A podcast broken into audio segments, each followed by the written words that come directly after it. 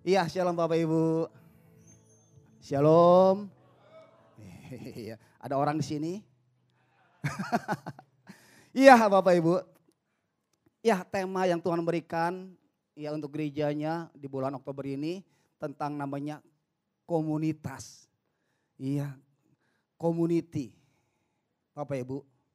Tadi kita pujian ini berkata kerinduan Tuhan untuk kita jadi satu. Iya sebagai anak-anak Tuhan. Sebagai orang-orang yang sudah dibenarkan. Kalau orang yang percaya. Kerinduan Tuhan untuk mereka menjadi satu. Cara bagaimana? Terlibat dalam namanya komunitas, community Bapak Ibu. Ya, supaya dunia tahu bahwa kita tuh beda dengan dunia. Dunia saya mau katakan, Firman Tuhan berkata dikuasai oleh kegelapan. Dunia dikuasai kegelapan, kegelapan ada di mana-mana. Ya sampai nanti ada waktunya, ya di masa pemerintahan seribu tahun, kegelapan akan kembali ditangkap oleh Tuhan dan dipenjarakan. Tapi saat ini Bapak Ibu, dunia dikuasai kegelapan. Dan kita sebagai anak-anak Tuhan harus menyatakan kemuliaan Tuhan. Melalui apa kehidupan kita Bapak Ibu. Salah satunya untuk kita menjadi satu. Ya, sebagai suatu keluarga. Kita enggak bisa sendirian Bapak Ibu. Kita enggak bisa sendirian. Kita terlibat dalam namanya suatu komunitas. Karena ini isi hati Tuhan. Ya, dan pagi hari ini saya akan share bagi ya apa sih kenapa sih ya kita harus ikut komunitas. Banyak komunitas Bapak Ibu. Ya banyak komunitas tapi komunitas ilahi lah akan membuat kita bertumbuh dalam Tuhan. Banyak komunitas, banyak perkumpulan Bapak Ibu. Tapi yang bisa membangun ya kita dekat dengan Tuhan hanya komunitas ilahi Bapak Ibu. Ya banyak komunitas di dunia ini. Ya komunitas yang penggemar sepeda, komunitas penggemar burung, iya, penggem, ya komunitas banyak hal ya. Tapi satu hal saya katakan Bapak Ibu, yang bisa membuat kita bertumbuh dalam Tuhan hanya komunitas ilahi. Dan kita punya komunitas di gereja kita namanya Ia Life. Ya, dulu disebut Ia Cool, sekarang kita sebutnya Life. Itu supaya spiritnya itu kita bisa tangkap. Iya, nilai-nilai kita bisa tangkap Bapak Ibu. Dan kita bisa ketika masuk dalam komunitas, kita mengalami kehidupan sendiri. Iya, kenapa sih kita harus komunitas? Firman Tuhan berkata Bapak Ibu. Iya kenapa sih manusia itu perlu komunitas? Ah bikin repot aja komunitas itu. Nambah hari lagi, Jumat mesti pergi keluar dari rumah. Ah belum nanti di komunitas banyak orang-orang yang reseh. Iya orang-orangnya ah gue sebel banget. Ya lu tampaknya udah empat. Suruh ikut lagi ke dia gitu. Aduh reseh banget. Gak mau. Kenapa sih manusia perlu komunitas? Ini kerinduan Tuhan, tadi lagu pujian kata seperti itu ya. Kerinduan Tuhan untuk kita tergabung dalam komunitas. Ya kenapa kita perlu komunitas Bapak Ibu? Ya kalau kita lihat kejadian 2 ayat 18 dikatakan. Ya bahwa Tuhan Allah berfirman pada saat manusia dibuat oleh Tuhan. Ya Tuhan berfirman. Ya tidak baik kalau manusia itu seorang seorang diri saja. Aku akan menjadikan penolong baginya yang sepadan dengan dia.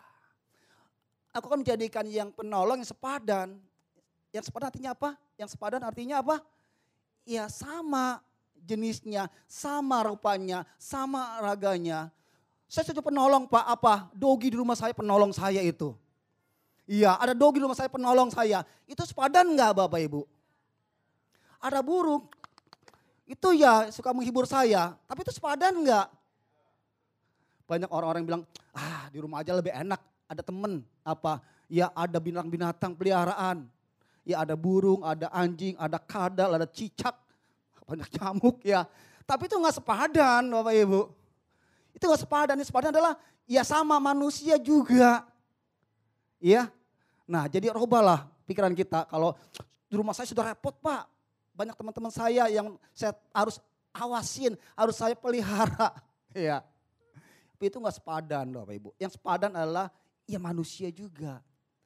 Jadi Tuhan dibilang nggak baik kalau manusia seorang diri. Jadi kalau manusia seorang diri baik nggak dia? Tuhan bilang kalau nggak baik kalau kamu sendirian. Seorang wae itu nggak baik loh. Kalau kamu mau baik jadi kamu harus sama sama. Kalau kita nggak sendirian aja itu nggak baik Bapak Ibu. Iya kenapa? Sebab kita didesain bukan untuk hidup sendirian. Ya, kalau kita sendirian kita menjadi orang yang aneh. Kenapa? Sebab kita desain kita tuh orang yang harus bersama-sama dalam suatu komunitas. Nah saat kita sendirian kita menjadi orang yang aneh Bapak Ibu. Ya, kalau Bapak Ibu pernah nonton film Joker, nonton Joker belum? Belum. Anak kecil jangan nonton ya, ini filmnya agak sedikit ya sadis tapi ya kita bisa belajar dari film tersebut Bapak Ibu. Ya, dia menjadi orang yang aneh, Joker itu. Dia orang yang sangat jahat sekali. Kenapa? Dia hidup sendirian nggak punya teman. Ada teman pun juga teman yang buat akhirnya dia malah terjerumus Bapak Ibu. Buat dia semakin jadi jahat. Coba sebanyak kalau dia punya komunitas, dia sering ke gereja, punya komunitas, dia gak mungkin jadi joker Bapak Ibu. Iya, karena dia hidup sendirian, ada masalah, ada persoalan, pergumulan hidup membuat dia akhirnya sendirian. Dia gak kuat, akhirnya dia gila Bapak Ibu. Iya akhirnya jadi jahat banget Bapak Ibu. Iya, dia jadi cakap banget. Dia bunuh orang ketawa-tawa.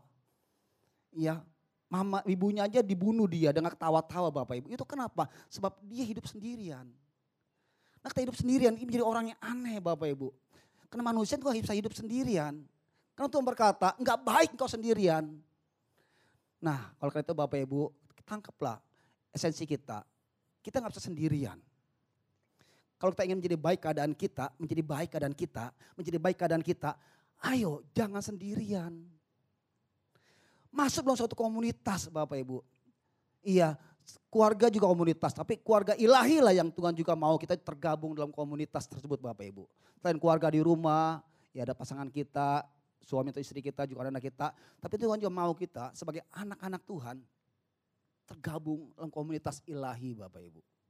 Supaya dunia tahu beda. Iya, bahwa kita beda dengan dunia. Ya, ada kasih Tuhan terpancar dalam komunitas kita. Ini yang Tuhan mau. Desain kita, desain untuk kita terlibat dalam suatu komunitas. Supaya hidup kita maksimal Bapak Ibu. Sendirian bisa, bisa sendirian semua katakan. Semua bisa lakukan. Ibu Ayan bisa sendirian dari bikin roti, beli bahan-bahannya, masaknya, jualnya, bisa sendirian. Tapi kalau bisa maksimal, saya percaya ya ini bisa lah semua belanja ke pasar, pulang masak, iya adonan, iya kelar jualin. Bisa, saya percaya bisa, bisa, bisa. Iya, tapi nggak bakal bisa maksimal kalau dia nggak libatkan mungkin ada orang-orang sekitar dia, iya untuk bisa membantu. Eh, iya, man, man ke pasar man ya, beli barang-barang ini ya. Terus suruh, ya, eh kamu masakin ini ya, iya, kan lebih maksimal. Eh, kita jualin ya, dibandingin kalau sendirian aja. Bisa sendirian tapi mungkin bikin dua atau tiga aja ya. Tapi kalau banyak kan orang kan bisa bantu dia bisa maksimal kan. Nah ini bikin Bapak Ibu setiap kita. Perlu komunitas yang buat kita bisa akhirnya hidup kita maksimal. Iya kenapa? Sebab desain kita tuh bukan hidup seorangan wae. Iya itu bahasa Jermannya seorangan wae itu. Iya tapi hidup dalam namanya suatu komunitas. Karena desain kita adalah makhluk sosial. Bukan sosial ya. Bukan sosial ya, tapi sosial. iya, kalau makhluk yang harus hidup sama-sama seperti itu. Yang kemudian Bapak Ibu, kenapa? Sebab kita sama seperti Allah. Kita dibuat sama segambar dengan Allah. Nah Allah kita sembah, Allah, Allah Kristen itu Allah memiliki tiga pribadi Bapak Ibu. Tapi satu. Ada Allah Bapa, ada ada Allah Anak, ada Allah Roh Kudus. Dikatakan di kejadian 1 ayat 26. Ya berimanlah, baiklah kita menjadikan manusia. Kata kita itu menunjukkan jamak. Iya, artinya apa? Ada berapa pribadi. Marilah kita. Iya, ada Allah Bapa, Allah Anak, ada Roh Kudus. Mari kita menjadikan manusia yang menurut gambar dan rupa kita. Nah kalau gambar rupa Bapak di sorga aja tuh ya ada berapa pribadi yang bersama-sama selalu Ya, artinya apa? Kita pun juga perlu juga pribadi lain yang bisa bersama-sama dengan setiap kita. Iya, supaya apa? Supaya mereka bisa berkuasa. Atas ikan-ikan di laut, atas burung-burung di udara, atas ternak dan atas seluruh bumi dan atas segala binatang melata yang merayap di bumi ini. Iya, saat kita bersama-sama seperti gambaran Allah Bapa, di mana Allah Bapa, Allah Anak, Allah Kudus berkuasa atas alam semesta ini, demikian kita juga Bapak Ibu. Kita kan bisa berkuasa atas ciptaan Tuhan kalau kita bersama-sama. Sebab gambar kita, rupa kita tuh sama dengan gambar rupa Ya Allah kita. Ada Allah Bapa, Allah Anak, Allah Roh Kudus. Saat dia bicara tentang Allah Bapa, itu pasti tentang Allah Anak, Allah Roh Kudus juga. Kalau Roh Kudus bicara, itu pasti terlibat juga Allah Bapa dan Allah Anak. Jadi tiga jadi satu, suatu komunitas, suatu keintiman Bapak Ibu yang terdalam. Demikian kita Bapak Ibu, setiap kita juga. Kalau kita ingin berkuasa, artinya apa? Kita hidup dalam berkat-berkatnya Tuhan, dalam janjinya Tuhan, kita nggak bisa sendirian. Kita perlu harus terlibat dalam suatu komunitas supaya apa? Kita bisa berkuasa dan maksimal kita manfaatkan apa yang Tuhan sudah siap untuk setiap kita. Semua ciptaan Tuhan itu banyak banget. Ya, kita nggak bisa sendirian kelolanya. Kita perlu bersama-sama supaya kita bisa menikmati semua yang Tuhan sudah janjikan. Karena itulah Bapak Ibu, ya kita perlu komunitas sebab kita segambar dan rupa. Iya, dengan Allah Bapa. Iya. Kemarin tuh ada ada live gabungan, iya, celebration live. Iya, ada ada ini Santo Junior. Itu Santo Junior tuh. Tahu siapa? Iya anak saya si Nael. Iya. Sama dengan saya gitu ya. Jadi ketika dilihat lihat si Nael, lihat saya. Itu Santo Junior tuh. Itu Pak Santo kecilnya tuh. Demikian juga Bapak Ibu. Ketika orang lihat kita, orang lihat ada Bapak dalam kehidupan kita. Ada gambaran alam di depan setiap kita. Ya ketika si Nael aja datang nih, kelas mimbar nih. Itu Pak Santo tuh. itu Pak Santo Junior tuh. Kenapa? Sebab gambarnya kesama. Iya demikian juga ketika orang melihat kita. Ya, orang melihat keberadaan Bapak dalam setiap kita. Ya, dan salah satu Bapak itu memiliki namanya komunitas kebersamaan. Ya, kalau kita bersama-sama, bergandengan tangan menyatakan kasih Tuhan bersama-sama, orang akan melihat ada kasih Tuhan dalam ya setiap kita. Sebab kita didesain bukan untuk kita hidup sendirian, tapi kita merupakan segambar serupa dengan Allah nyatakanlah ya gambar Allah bagi setiap kita melalui kita terlibat dalam komunitas Bapak Ibu. Kita nggak bisa sendirian. Karena kita segambar dengan Allah. Allah kita adalah Allah berkomunitas. Allah tiga pribadi tapi satu bersama-sama. Ya, kita didesain untuk sebagai makhluk sosial bukan makhluk individu. Ya, kan itulah ayo Bapak Ibu masuk dalam komunitas supaya apa? Bapak hidupnya bisa maksimal, bisa hidup mendapat berkat-berkatnya Tuhan, janjinya Tuhan bisa dinikmati sepenuhnya. Berkat Tuhan aja Tuhan mengelola ciptaan Tuhan itu bisa digenapi kalau kita bisa bersama-sama dalam suatu komunitas. Kalau sendirian, ya nggak bisa maksimal saya katakan. Kita akan menjadi orang yang aneh Bapak Ibu. Orang yang aneh. Ya, karena itulah, iya kenapa kita perlu komunitas? Sebab esensi kita adalah makhluk sosial. Esensi kita adalah ya segambar serupa dengan Tuhan. Karena itulah ayo saya dorong ya untuk kita masuk dalam komunitas Bapak Ibu. Supaya kita bisa mengalami kehidupan yang berkat-berkatnya Tuhan yang melimpah setiap kita. Amin.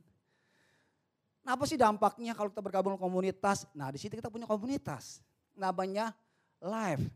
Iya, dulu kita sebut iya cool, tapi kita ya panggil sekarang, sebut sekarang tuh live. Supaya apa? Supaya ketika mereka menyebut live, ya mereka tahu ada suatu kehidupan dalam komunitas.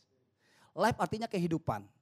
Ketika dia masuk dalam komunitas, kehidupan, ada kehidupan dalam kehidupannya dia. Ada perubahan Bapak Ibu dalam kehidupan dia.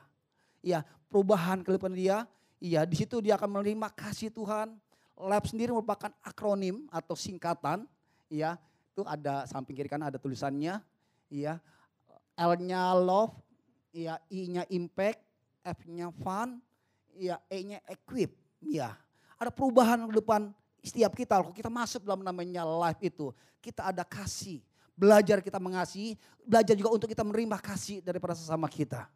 Kemudian kita juga ya hidup kita berdampak ya bagi ya sesama kita. Kita belajar di komunitas tersebut untuk hidup kita menjadi dampak bagi mereka. Ada kita, mereka diberkati ya dengan perkataan kita, dengan ucapan kita, mungkin dengan hal yang lainnya. Kita mungkin makanan, mereka diberkati Bapak Ibu. Banyak hal kita bisa lakukan untuk kita bisa berdampak dalam komunitas. Di situlah kita ya mau bersama-sama melakukannya. Kemudian ya fun, fun ya gitu kita sama-sama ayo kita bersama-sama mengalami suatu keadaan yang ceria. Ya, dalam satu keluarga itu ayo kita bersuka cita. Ya kemudian ya kita mau terus di-equip, diperlengkapi Bapak. Di komunitas lah kita dimuridkan. Iya. Great Commission itu terjadi, tercipta, ya terlaksana kalau kita mau tergabung ke komunitas. Di situlah kita di-equip, diperlengkapi, ya dijadikan murid. Supaya apa? Kita bisa nanti memuridkan juga Bapak Ibu. Jadi di live itu hanya bukan sekedar kumpul-kumpul aja. Ya seperti hari Minggu kumpul-kumpul, plus ada makanannya. Kalau di gereja kan gak ada makanannya. Tapi kalau di komunitas itu ada makanannya. Enggak hanya itu Bapak Ibu. Tapi di komunitas kita akan terus dijadikan ya seorang murid. Karena kerinduan Tuhan itu setiap orang jadi muridnya Tuhan. Bukan pengikut Bapak Ibu. Kalau hari Minggu itu pengikut. Tapi kalau dia mau jadi murid, dia harus masuk dalam namanya komunitas. Life. Di situlah Bapak Ibu akan dimuridkan, diajar bagaimana hidup seperti apa yang Tuhan mau. Di situlah kebenaran firman Tuhan dipraktekkan, dilakukan Bapak Ibu. Ya, nah hari ini kita mau bahas tentang bagaimana dampaknya atau apa sih dampaknya kalau kita tergabung di komunitas. Biasa manusia kan itu hitungan dulu ya. Kalau gue ikut-ikut ini apa sih cuannya? Ada cuannya enggak ya? Kalau nggak ada cuannya sorry ya. Nggak ada untungnya buang waktu. Iya, waktu kok berharga. Iya, biasa manusia itu kan kalkulasi ya. Jalan nih cipuannya nih. Semua jalan nih ya apa untungnya nih kalau gue ikut komunitas? Biasa manusia itu ya, selalu hitung-hitungan gitu ya. Iya, kalau gue kasih apa nih untungnya nih? Demikian saya percaya banyak orang pikir apa untungnya saya ikut live? Apa untung saya ikut komunitas? Bikin repot aja, nyusahin aja. Iya, nah dampak ternyata Bapak Ibu ada banyak.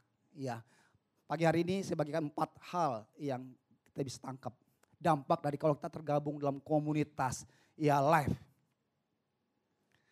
Yang pertama, kita memiliki keluarga rohani.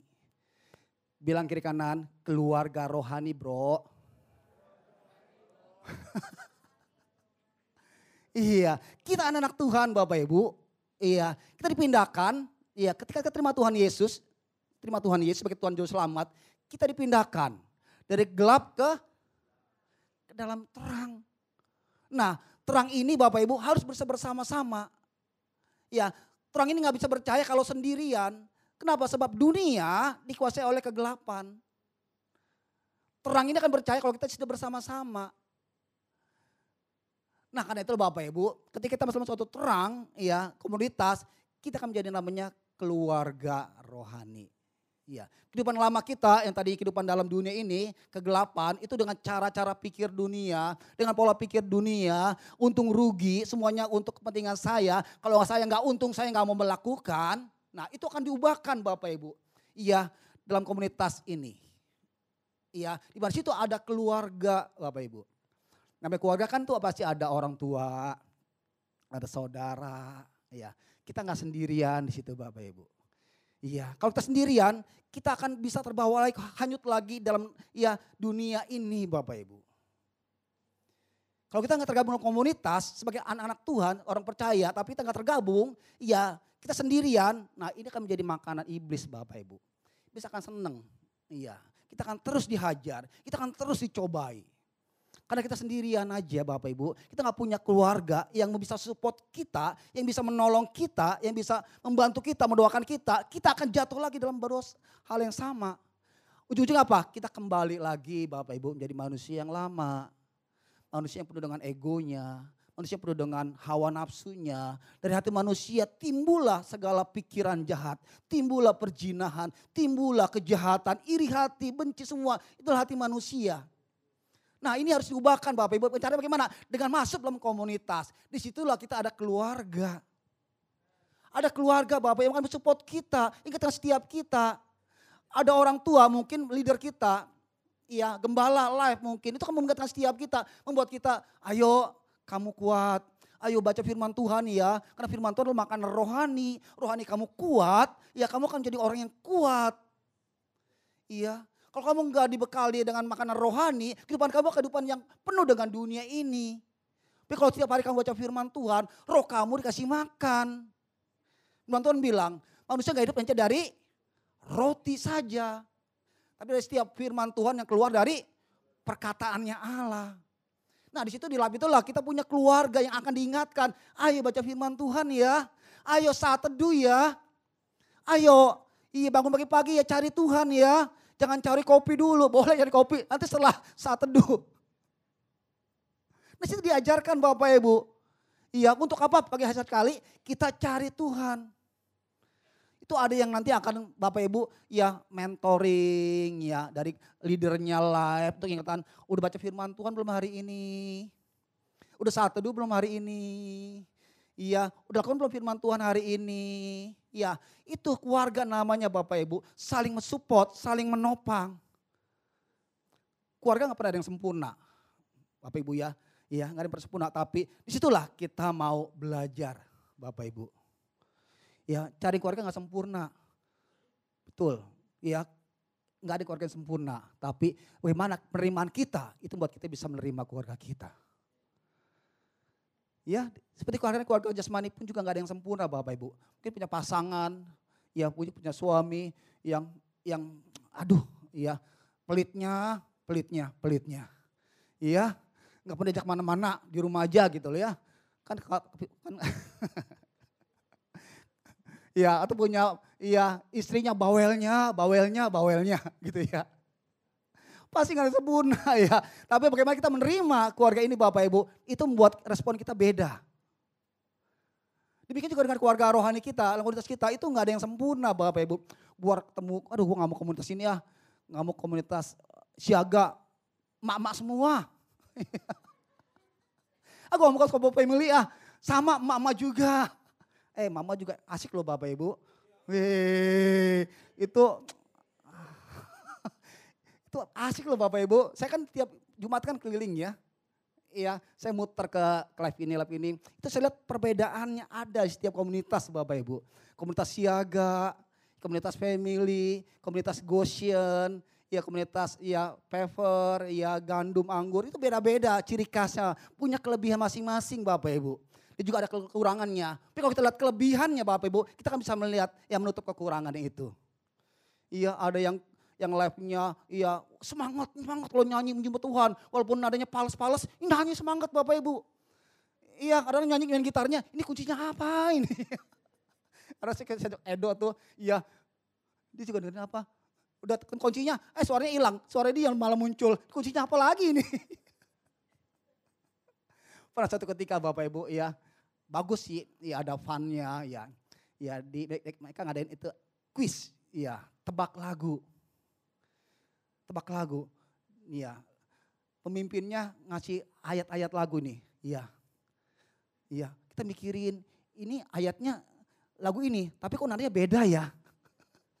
kok nggak pas suaranya ya. Tapi nggak masalah Bapak Ibu ya. Kita bersuka cita di situ Bapak Ibu. Iya, nggak mikir suara jelek atau apa. Pokoknya kita semangat suka cita, kita fun di situ.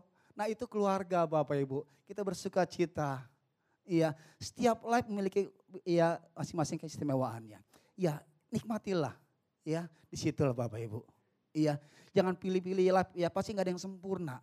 Semua life pasti punya kelebihannya. Dan kita nikmati itu sebagai suatu keluarga, ya keluarga ilahi. Ya, di situlah kita menjadi anggota-anggota keluarga. Dikatakan demikian kamu bukan lagi orang asing dan atau pendatang. Ini statement ini dikatakan pada orang-orang yang baru kenal Tuhan. Ya, baru terima Tuhan, baru ia bertobat. Dikatakan kamu bukan lagi orang asing atau pendatang. Ya, orang Yunani, ya orang baru kenal Tuhan. Dikatakan kamu bukan lagi pendatang atau orang asing. Mereka kamu adalah kawan sewarga dari orang-orang kudus. Ya, Petrus, ya Paulus, itu orang-orang kudus seperti itu. Dikatakan kamu, iya sewarga dengan orang kudus artinya sama warganya ya warga kerajaan Allah. Dan kamu adalah anggota-anggota keluarga Allah. Nah di situlah Bapak Ibu kita menjadi keluarga. Iya, iya. Saya kenal Tuhan 96 Bapak Ibu. Sebelumnya saya orang kepercayaan. Iya. Nah ketika saya kenal Tuhan saya mulai tergabung dalam komunitas Bapak Ibu. Di situlah saya memiliki keluarga. Buat saya akhirnya kita bisa, saya terus bertumbuh. Saya bisa begini, bisa berdiri, Bapak Ibu nggak gemeteran, ngomongnya nggak a a a a. Kenapa? Itu saya di situ di, di disiapkan Bapak Ibu. Sebagai keluarga saya didorong, saya disupport Bapak Ibu, dilatih di keluarga. Ya, jadi ketika Bapak Ibu masuk suatu komunitas, komunitas ilahi, maka Bapak Ibu akan menjadi keluarga, iya, anggota anggota keluarga, iya kerajaannya Allah. Jangan sendirian. Sendiri Bapak Ibu akan jatuh bangun, ya dihajar oleh kegelapan, oleh si iblis. Akan dosa lagi, dosa. Tapi ketika dalam komunitas kita disupport, ya ada kakak rohani, iya ada mentor yang mentor kita, iya Bisa next, bantu klik. Nah ini berapa, ya ini berapa contoh live Bapak Ibu ya. Enggak semua saya tampilin, gak muat soalnya layarnya. Ini yang terakhir saya foto Bapak Ibu. Nah itu yang paling bawah kiri itu live siaga. Itu Ciing tuh, ya leadernya. Ciing bisa bangun Ciing, mana Ciing? Nah bangun dong Ci. Ini Ciing, leader siaga. Kemudian yang atas tuh itu ya lab Mickey. Mickey, bukan Mickey Mouse ya. Tapi Mikiki. Kenapa? Tempat tempatnya di rumah Bami Kiki. Iya, jadi kalau situ saya makan kenyang Bapak Ibu. Kalau cool itu pasti ada mie. Kenapa? Karena spesialnya mie kiki itu. saya kalau situ pasti makan Bapak Ibu. Kenapa? Sebab itu restoran. Iya, itu namanya Miki karena itu tempatnya Bami Kiki jualan Bapak Ibu. Iya.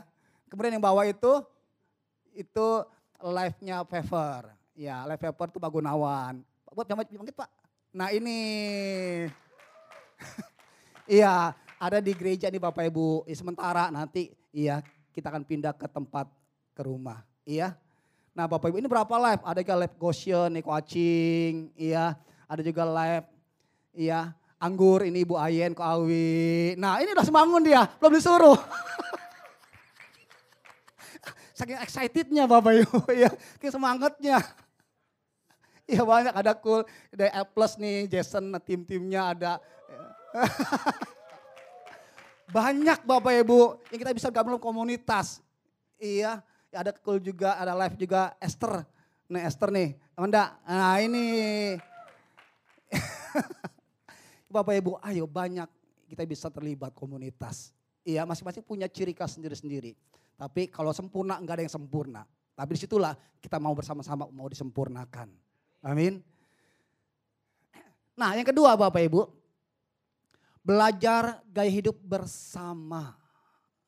Di komunitas lah Bapak Ibu kita mau bersama-sama belajar gaya hidup untuk kita bersama-sama saling Ya saling apa? Saling menghormati, saling menghargai, saling mensupport, saling membantu, ya saling berbagi. Nah itu Bapak Ibu, di sinilah kita belajar. Dikatakan karena, khotbah 4 ayat 10, kalau mereka jatuh yang seorang akan mengangkat temannya. Tetapi ya, why orang yang jatuh, tapi orang yang jatuh yang tidak mempunyai orang lain ya untuk mengangkatnya. Iya. Tapi kalau satu orang iya jatuh itu nggak bisa diangkatnya lagi. Tapi kalau kita punya ya teman-teman ya di gambar itu ya ada teman yang mengangkat setiap kita. Nah di situ kita bersama-sama belajar, menolong, ya berbagi. Di situlah kita belajar untuk kita tidak mengutamakan ego kita. Ya, untuk mengutamakan kebersamaan. Iya, untuk kata salinglah di situ kita belajar hidup bersama-sama Bapak Ibu. Ya dan ini bekal kalau mungkin yang belum nikah, di situ belajar untuk ya, nanti ke depan rumah tangga, ya belajar mengasihi pasangan kita. Iya, kalau belum sudah berumah tangga pun juga di situ kita belajar lagi diperdalam, diperlengkapi untuk kita bersama-sama hidup dengan kata saling. Ya bersama-sama, enggak lagi maunya bawa menang sendiri. Enggak lagi maunya, iya apa-apa, iya mesti didengar perkataan ini. Iya, kenapa? Seperti di luar di dunia tuh oh gua dihargai. Itu pun juga harus dihargai. Tapi di sinilah di komunitas kita harus hilangkan itu semua. Ya, di sinilah kita mau belajar bersama-sama gaya bersama-sama. Ya, kalau mereka jatuh, ayo kita angkat lagi. Iya. Khotbah 12 dan bila mana seorang dapat dikalahkan, dua orang akan dapat bertahan. Tali tiga kembar tidak mudah diputuskan. Dikatakan seorang dapat dikalahkan, satu orang bisa dikalahkan. Kita tolong bantuan aja nih ya, mungkin. Adi, Adi, sini di. Ah, walaupun dia besar, ya, kayak, tapi kalau sendirian, pasti bisa dikalahkan. Betul nggak? Walaupun saya lebih kecil, tapi saya bisa kalahkan dia dengan saya dorong gini. Iya kan? Kenapa dia sendirian? Iya kan ya? Iya, walaupun dia besar, saya kecil, tapi saya bisa kalahkan dia. Betul ya? Karena dia sendirian. Dikatakan dua orang dapat bertahan. Siapa lagi saya bantu nih? Kawi, kawi, sini kawi. Iya. Pegang kawi, pegang kawi. Iya. Dua, iya dapat bertahan. Bisa bertahan, bisa bertahan doang. Tapi lama-lama pasti akan jatuh juga. Iya, walaupun berat nih.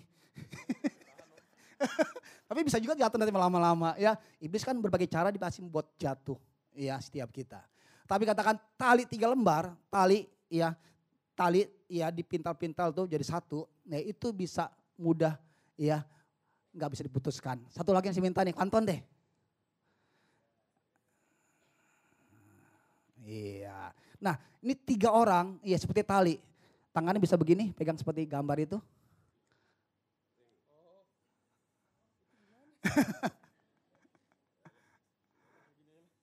nah gini.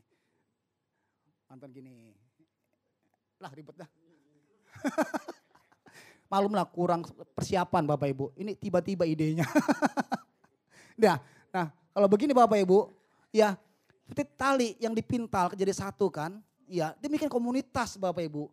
Ya, suatu keluarga, komunitas itu jadi satu seperti tali yang dipintal, ya nggak mungkin lagi bisa, ya, kan saling sama-sama saling mengikat, saling bersama-sama saling memegang. Iya, kalau satu dikalahkan, dua mungkin masih bisa bertahan, tapi kalau tiga, iya seperti tali yang dipintal. Tali kan ya tambang kan ya, itu dari beberapa bagian kan ya dipintal-pintal gitu kan. Ya itu nggak bisa diputuskan. Betul kan ya. Demikian juga kita dalam komunitas seperti tali yang tiga ini nggak mungkin bisa dikalahkan. Iya, saya dorong Pak Anton, ada si Adi, ada si Koawi. Saya dorong kok si Adi, ada si Pak Anton, ada si Koawi yang nahan. Iya, saya dorong Koawi, ada Pak Anton, ada si Adi. Iya, seperti tali tiga lembar itu jadi satu demi komunitas. Iya, kalau satu kita bisa dikalahkan, dua bisa bertahan, tapi lama-lama akan tumbang juga. Tapi kalau tiga, ya seperti tali yang di, ya dipintir, ya dipilin ya jadi satu. Demikianlah komunitas. Iya, akan menjadi satu. Oke? Ya, thank you ya orang ganteng. Demikian Bapak Ibu, ketika komunitas, ya seperti tali yang dipilih jadi satu saling mendorong, saling menopang, saling membangun, saling menguatkan. Gak bisa mudah jatuh. Aduh gue ada masalah nih. Ya aduh di kantor nih. Ya ada temennya bilang si Adi nih. Udah Kowi tenang Kowi kita doa sama-sama. Kita tolong. Ada masalah apa saya bantu. Saya perlu ini nih perlu apa tukang nih. Saya punya tukang saya bantu. Ya kita bisa support Bapak Ibu. Ya kita saling sopang, saling topang. Ya kayak kemarin kejadian nih kan kejatuhan ya, ya kita harus membereskan. Kenapa? Saya punya teman-teman yang bisa support saya. Ya ada ada Eng Piau kontraktor, ada Andreas kontraktor. Andreas, Piau, tolong kirim tukang. Iya, saya perlu tukang banyak nih buat langsung beresin ini supaya rapi lagi. Ya langsung dua hari kelar Bapak Ibu. Iya kenapa? Saya punya teman-teman komunitas yang bisa mensupport saya. Iya, aduh gue punya masalah ini nih. Gue perlu alat masak nih. Tahu nggak di mana jualnya? Aku tahu ini ini nih. Langsung dikasih. Ya ini mbak, ini ini ini. Saya perlu ini nih. Tenang, ada ini ini nih. Cari sini sini sini. Langsung cepat Bapak Ibu. Ada orang-orang yang support kita. Ada orang itu. Itu dalam komunitas. Amin. Di situlah ya satu orang dikalahkan, dua orang bertahan, tapi tiga kita bisa menang. Nah ini versi mudah dimengerti. Seorang musuh mungkin dapat mengalahkan satu orang. Tapi dua orang dapat berdiri saling membelakangi. Ya membela satu sama lain. Ya bahkan tiga orang akan lebih kuat. Ya mereka seperti tali yang terdiri atas tiga bagian yang disatukan sangat sulit untuk diputuskan. Ya ini terjemahan dari versi mudah dimengerti. Satu musuh mungkin dapat mengalahkan satu orang. Dua orang dapat berdiri saling membelakangi. Iya, bahkan tiga akan lebih kuat lagi seperti tali yang dijadikan satu.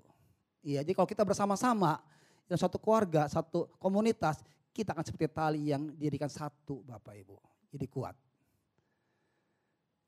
Ya, yang ketiga, Ya. Di situlah karakter kita ya semakin diubahkan. Dampak yang ketiga kalau kita masuk dalam komunitas, ya karakter kita akan diubahkan. Ya, ya kita akan berubah jadi dari dari seau namanya ban, ya au ban keras kepala, kita akan diubahkan menjadi orang yang mau rendah hati Bapak Ibu. Ya dikatakan Amsal 27 17 besi menajamkan besi. Ya, tetapi orang menajamkan dengan sesamanya. Di komunitas Bapak Ibu bukan nggak ada masalah Bapak Ibu. Di situlah akan ada masalah Bapak Ibu. Kenapa? Sebab di situlah akan banyak orang-orang yang ya adatnya beda-beda. Ya pribadi beda-beda Bapak Ibu. Tapi di situlah kita sama-sama mau diubahkan Bapak Ibu. Di luar kita mungkin orang yang mau menang sendiri, di luar kita mengatur ngatur minta perintah, tapi di situlah Bapak Ibu ya ya semua itu akan dikikis Bapak Ibu. Untuk kita mau bersama-sama diubahkan. Ya enggak lagi me, apa enggak lagi mengutamakan kepentingan di sendiri tapi bersama-sama. Di komunitas lah karakter kita diubahkan. Ya, nggak jadi ego lagi, nggak jadi lagi mau memerintah, mengatur. Di situlah Bapak Ibu kita akan semakin diubahkan, semakin menjadi serupa seperti Kristus Bapak Ibu. Menjadi semakin lebih lagi, lebih baik lagi di situlah Bapak Ibu kita akan semakin diubahkan. Di komunitas itulah Bapak Ibu kita akan belajar untuk kita mau menerima pendapat orang lain, menerima ya pandangan orang lain, mau menerima ya saran orang lain, ya enggak lagi orang perhatian ke kita, tapi perhatian kepada ya banyak orang. Enggak lagi fokus ke kita, tapi fokus kepada komunitas, kebersamaan. Kebersamaan itu yang jadi utama kita. Situlah karakter kita akan dikikis. Karakter yang enggak enggak baik, karakter yang egois, mau menang sendiri, ya karakter yang maunya apa-apa saya, maunya orang lihat ke saya nih. Iya, kalau nggak ada saya tuh nggak mungkin bisa jalan, itu mesti tinggalkan. Iya, di situlah kita sama-sama, ya semuanya berharga. Semuanya itu penting Bapak Ibu. Karena pentinglah kita bisa menghargai orang. Walaupun mungkin dia ya posisinya, jabatannya mungkin di bawah kita. Di situlah kita mau belajar ya untuk mengalahkan ego kita. Belajar menghormati. Mungkin kita tahu dia OB. Tahu mungkin dia tukang parkir. Tapi di situlah kita mau merendahkan diri kita, mengikis ego kita untuk kita menghormati dia. Mungkin kita di luar kita pemimpin, ya pengusaha, Iya, tapi ketika masuk komunitas, di situlah kita dikikis ego kita untuk kita menghormati orang yang lebih rendah. Untuk kita menghormati orang yang nggak punya apa-apa. Untuk menghormati orang yang mungkin pendidikannya nggak nggak tinggi, iya. Mungkin kita tingginya kita mesti lihat ke bawah juga. Di situlah kita belajar melihat ke bawah Bapak Ibu.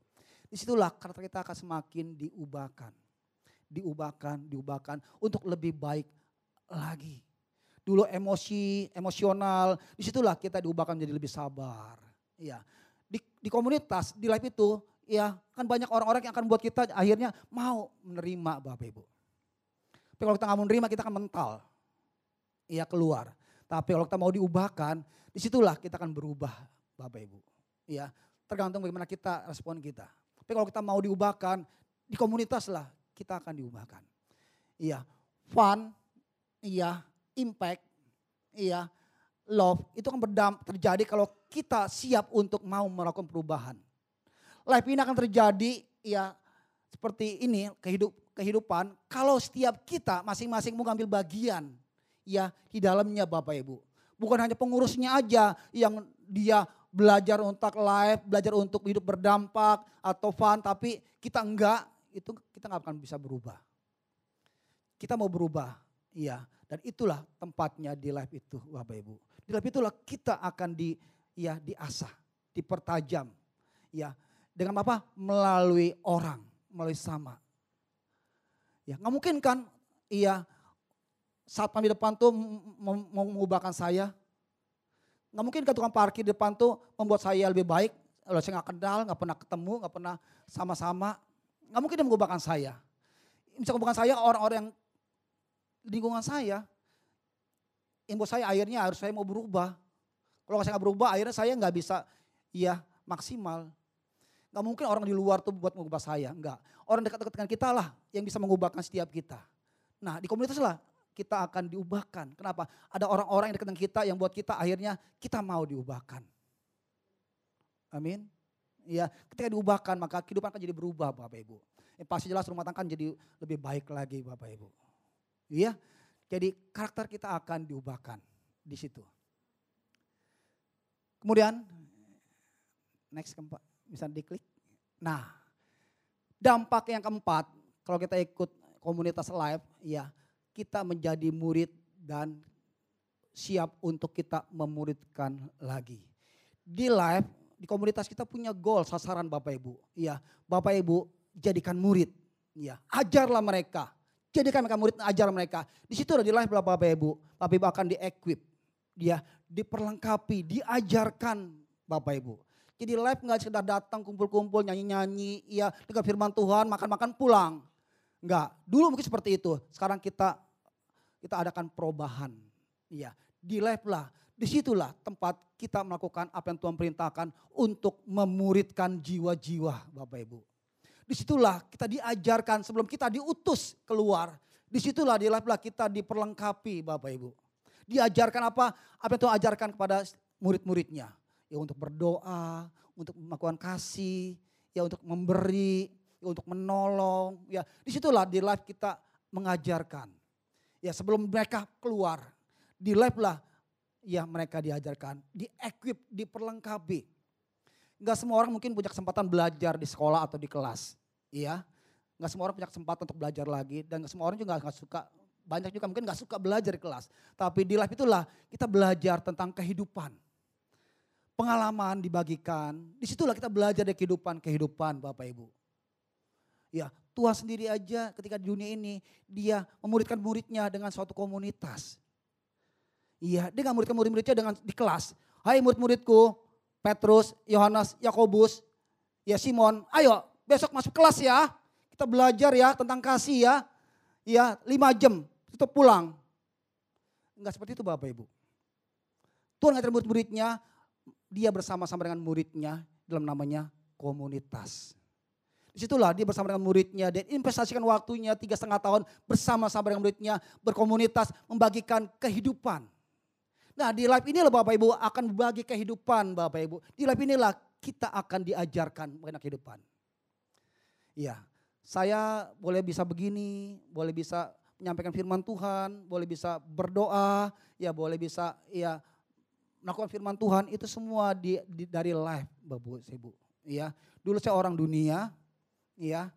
96 saya baru kenal Tuhan, sebelumnya saya orang kepercayaan, ya bahkan saya orang yang dulu pernah diangkat di Kepang, ya oleh salah satu ya dewa, dewi, ya.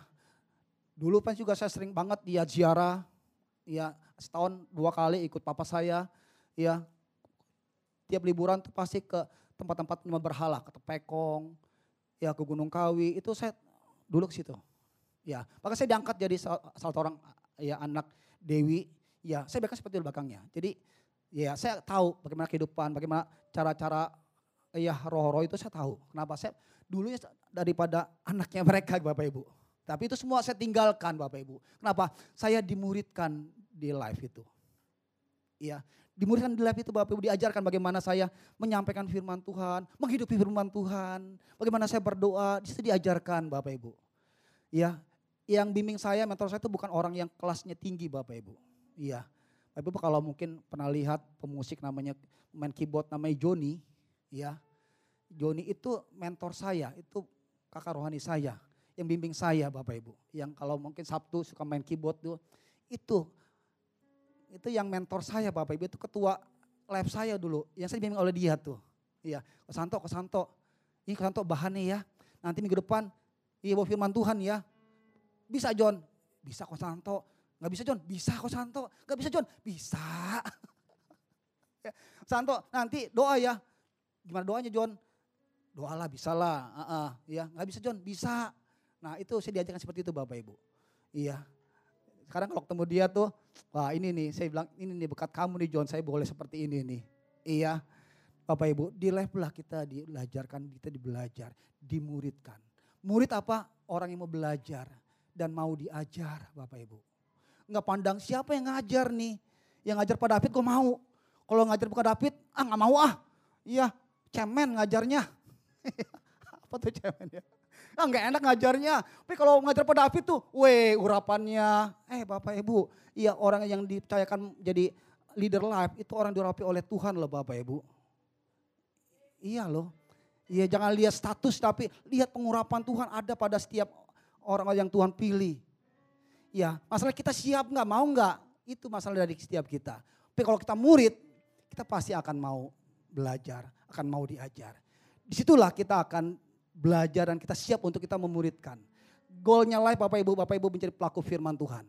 Dan melaksanakan Great Commission untuk menjadikan jiwa-jiwa juga muridnya Tuhan. Supaya apa? Semua bangsa, semua orang itu kenal bahwa Tuhan adalah juru selamat. Dan Tuhan datang untuk setiap kita. Amin. Ya bangkit berdiri ya Bapak Ibu. Ya. Jadi Bapak Ibu, ya dampak kalau kita ikut komunitas ilahi, iya live di sini tempatnya, ya kita akan miliki keluarga rohani. Bapak Ibu nggak sendirian. Bapak Ibu akan ada mentor, iya ada Bapak rohani, ada kakak-kakak rohani, ya teman-teman rohani yang akan mensupport Bapak Ibu ketika Bapak Ibu lemah. Bapak Ibu sendirian punya masalah, iya Bapak Ibu akan disupport. Ya, si Joker akhirnya jadi ya orang sadis Bapak Ibu. Kenapa? Enggak disupport sama teman-temannya punya teman-temannya malah yang teman-temannya yang membuat dia tetap buruk. Dikasih pestol Bapak Ibu ya.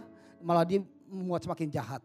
Tapi di komunitas ilahi lah Bapak Ibu. Kita akan punya keluarga ilahi. Keluarga yang buat kita akan semakin bertumbuh di dalam Tuhan. Kedua, kita akan bisa belajar untuk kita hidup memiliki gaya bersama. Ketiga, kita akan semakin diubahkan karakter kita, akan semakin dikikis. Ego kita, iya kepentingan kita akan semakin dikikis. Kita nggak lagi ini saya, tapi semua. Dan kita menjadi murid dan kita siap untuk dimuridkan. Amin.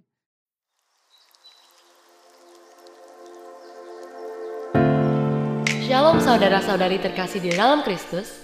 Anda akan mendengarkan kebenaran firman Tuhan yang dapat memberkati kerohanian dan menginspirasi kehidupan Anda. Dari GBI House of Prayer, selamat mendengarkan.